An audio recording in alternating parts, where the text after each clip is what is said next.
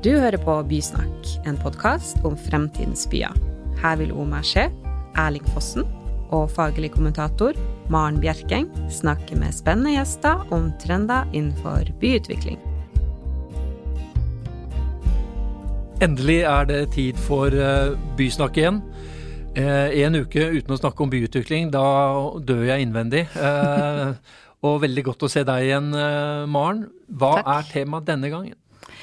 Temaet denne gangen er veldig spennende. Vi skal etter et år uten utenlandsreiser eh, og uten den tilhørende muligheten for å bli inspirert, skal vi i dag ta et kjærkommen tur over landegrensene og eh, ta en tur til London. London er jo en veldig mangfoldig by med mange sterke kulturer som spiller sammen i en byvev. Eh, og ulike områder har jo en tydelig identitet eh, basert på eh, ofte de kulturene og den tilstedeværelsen. Det har vi jo alle erfart på våre turer til London, at det er den, den variasjonen og det mangfoldet. Og hvordan kan det dyrkes i større grad som en ressurs i byutviklingen, som gir områdene den karakteren de har? Og hvordan kan vi la oss inspirere av dette i Oslo?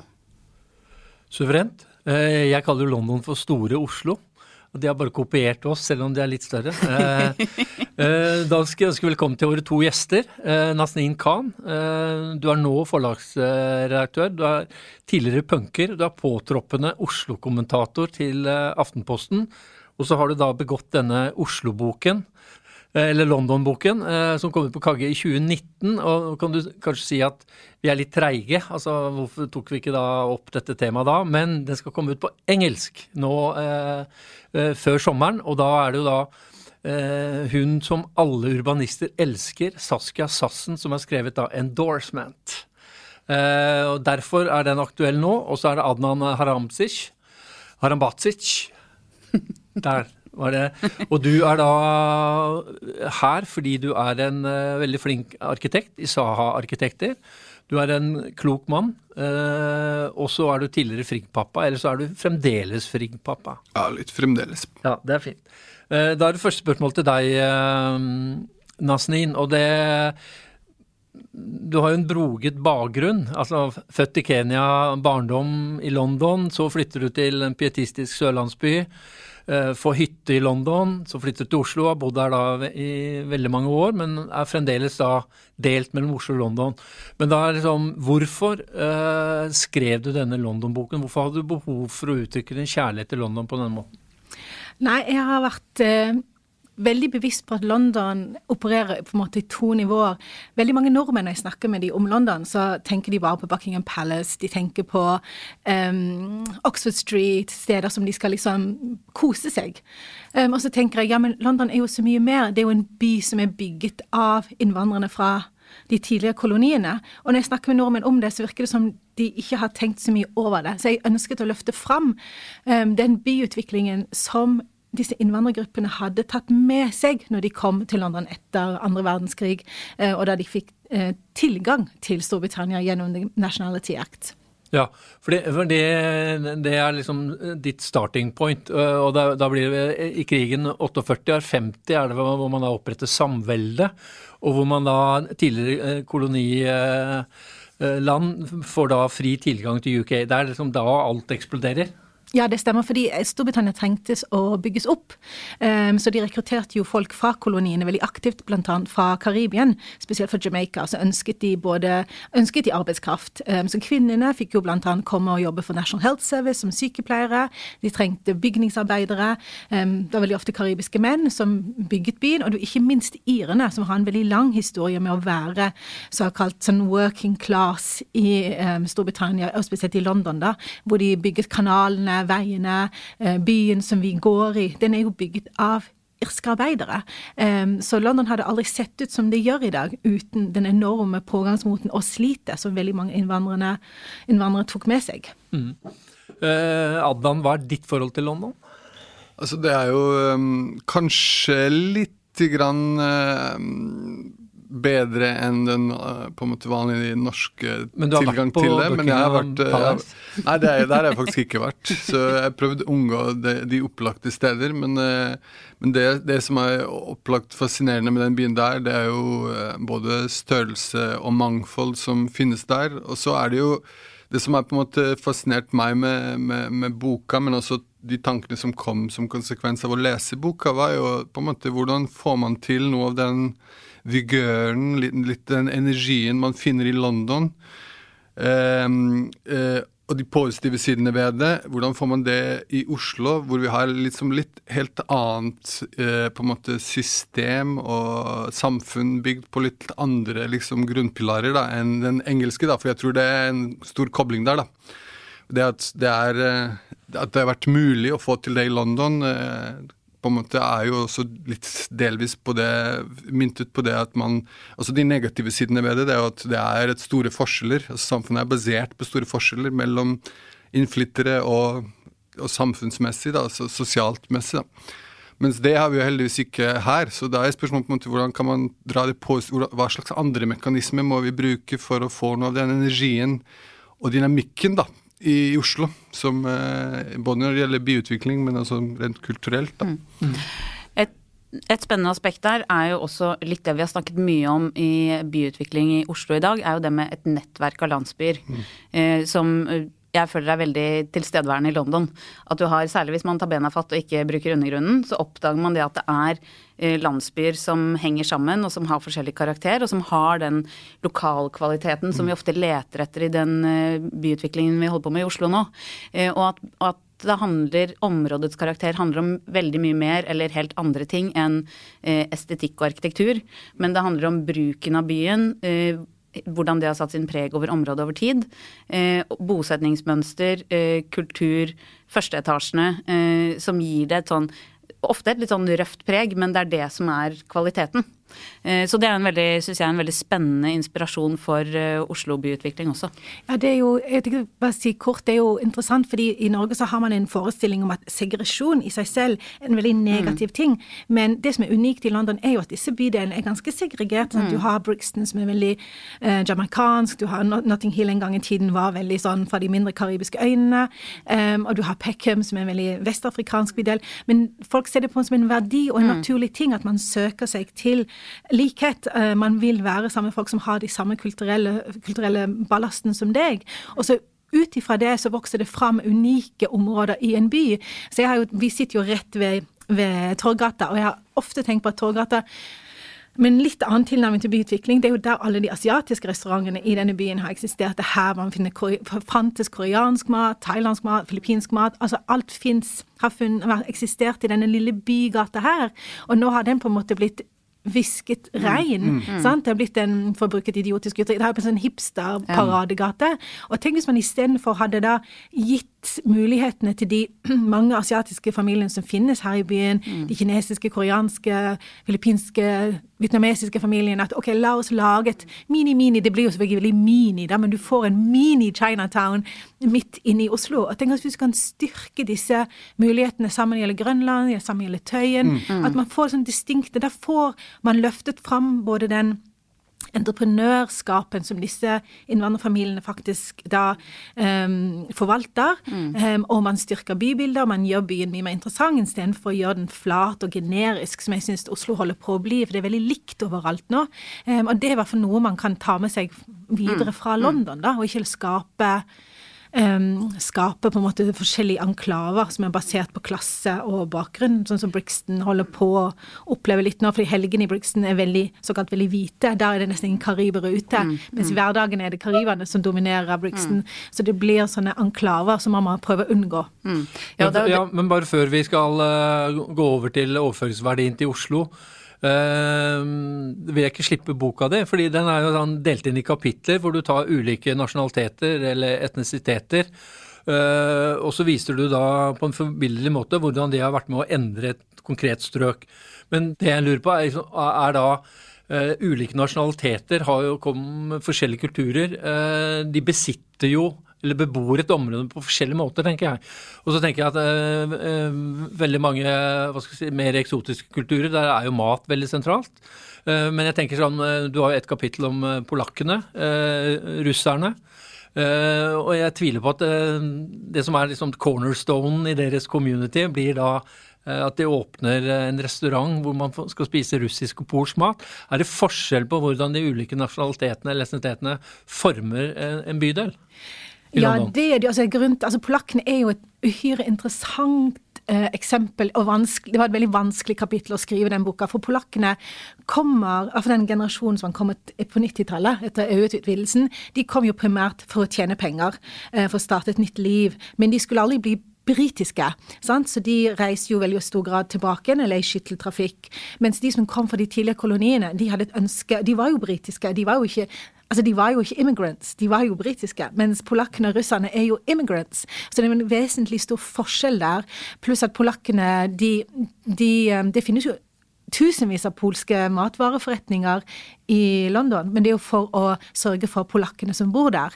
Og de har community centers i, i de polske i London, men de, det finnes jo Ealing, som er på en måte den polske landsbyen, eh, hvor de har påvirket politisk, hvor de på en måte ser på seg sjøl som en slags eh, polsk bastion.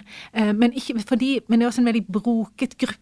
Eh, er veldig mange arbeiderklasser som kom på 90-tallet, men så har du de intellektuelle som kom etter andre verdenskrig. Så du har en veldig mangefasettert polsk gruppe, men de, de skiller seg dramatisk fra de andre innvandrergruppene nettopp fordi de ikke ser på seg selv som britiske. Mm. Men, men, eh, du skriver innledningsvis at eh, London har eh, er det da 50 nasjonaliteter, essenteter med mer enn 10 000 innbyggere. Og så sjekka jeg da på Oslo-statistikken, og da tenker jeg yes, Oslo har fire. Vi har pakistanerne med rundt 23 000, og så er det somaliere på rundt 18 og så er det polakker, så er det eh, svensker. Og så tenker jeg vi har i hvert fall ikke noe uh, lille Pakistan, eller hvor finner vi det i Oslo? Og så tenker jeg at svenskene er kun in-out. Det er bare ren arbeidsinnvandring. Polakkene delvis det samme. Uh, somalierne, hvor er lille Somalia? Som, Adnan har, har liksom tenkt på det. Hvor, hvor er det de ulike innvandrergruppene faktisk har vært med å forme Oslo? Ut jeg, tror, jeg tror, på en måte selvfølgelig at det må jo til en sånn skalakorreksjon mellom Oslo og, ja. og London. Som, om, med, om, du går ned til 5000, så er det kanskje mange flere grupper som er eh, på en måte der. Men, men jeg tror også at uh, kanskje i, i, Oslo sammenlignet med London, så har vi kanskje Det finnes jo en utrolig stor påvirkningskraft og tilstedeværelse kulturelt som ikke uttrykkes fysisk i byutvikling.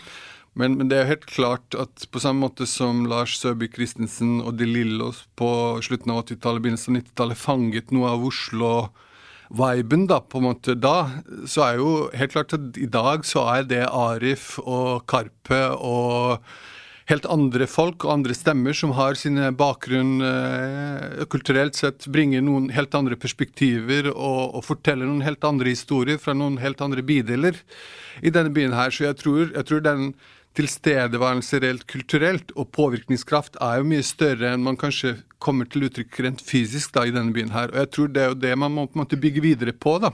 Og det er der den der positive potensialet ligger, da. Mm. I, at det er ressurser som ikke er nok tatt i bruk da, for å prege byen også på andre vis. da. Mm. Mm. Jeg tenker jo at det er eh, en veldig viktig diskusjon, nettopp det som jeg var inne på innledningsvis også, hvordan man kan gjøre det til en positiv del av et steds identitet. Unngå at det blir sett på som en getto, men heller Hvis du er i New York eller London, så er det Drar man til eh, Chinatown i, London, i New York eller Little Italy, ikke sant. Det er mange steder som blir sett på som en attraksjon og noe positivt. Eh, og jeg tror jo at sånn som Grønlandsområdet, vi har jo et prosjekt der som er det er veldig spennende område å jobbe i, fordi du har den liksom krysningen mellom forskjellige kulturer. Eh, det er veldig eh, noen positive lokale ressurs, ressurser. Bygge videre på det i byutviklingen og løfte fram de som også allerede er et sted. Og så får man den gentrifisering godt eller dårlig-diskusjonen, som jo også er spennende. fordi det er jo ikke to streker under svaret der heller.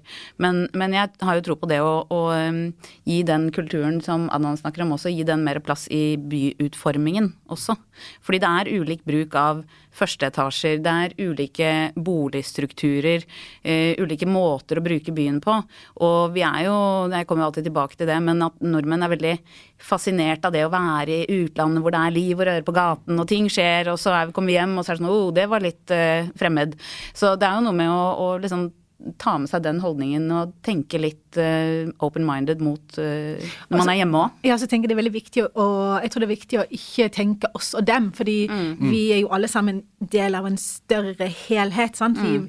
vi blir jo ikke upåvirket av alt som skjer i byen. Mm. Og jeg, jeg, på en måte, jeg har jo bodd såpass lenge i Oslo at jeg ser på meg sjøl som en Oslo-borger, uansett om jeg snakker sørvestlandsk eller hva jeg nå snakker. Så er jeg på en måte Oslo-jente. Så jeg tenker at den der også dem og de og de, de, og de der Vi er jo alle sammen et stort fellesskap, men det er forskjellig vi har forskjellig bagasje med oss som mm. gjør oss til den vi er. Så Musti hun er jo en Tøyen-jente, mm. mm. først og fremst. Og Karpe er jo, de er jo fra vestkanten, uansett hvor getto de av og til leker. Sånn, så jeg tenker, at, jeg tenker at det er noe med disse um, Noe med å anerkjenne de, de utrolige ressursene disse kidsa sitter på. For, som tenåringsmor, som bor um, bor litt øst, øst, i byen, så ser jeg liksom hvordan eh, hiphop-musikken utvikler seg så enormt i nettopp østkant østkanten Oslo.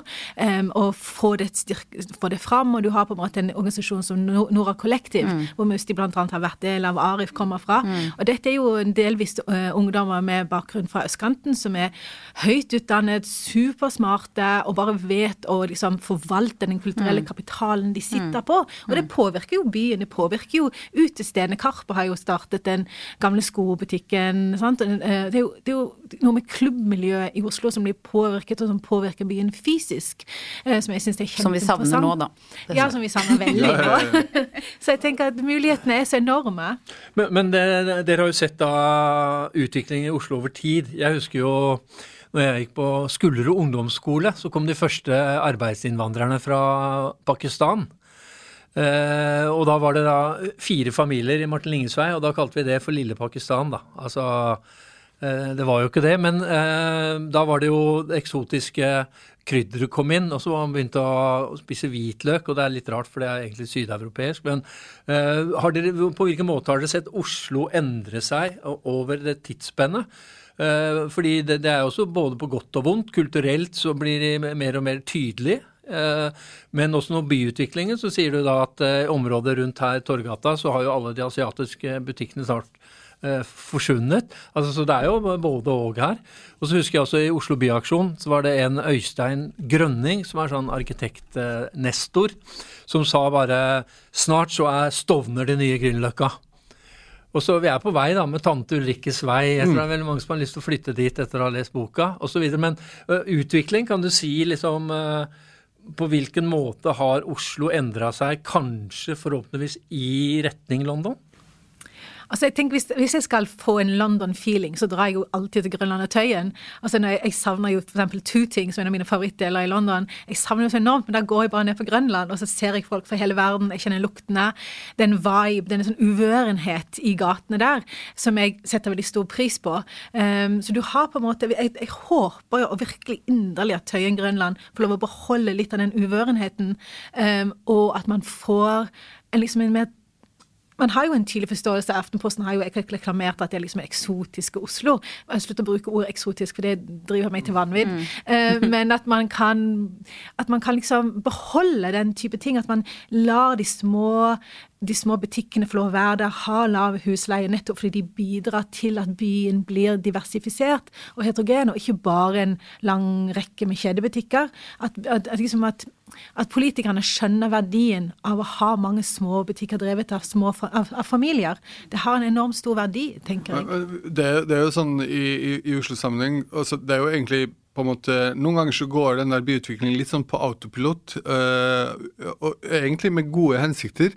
Men f.eks. det at man ruller ut granitt overalt i Oslo, litt sånn egentlig relativt kostbar måte å behandle uterom, byrom, egentlig uansett hvor det er, så er jo omtrent samme type liksom Det er ikke sikkert at det er svar, riktig svar på Grønland, og det er ikke sikkert at det er riktig svar overalt. fordi det, det påvirker liksom noe med liksom både forventninger altså Det drar med seg andre aktører inn i nabolagene.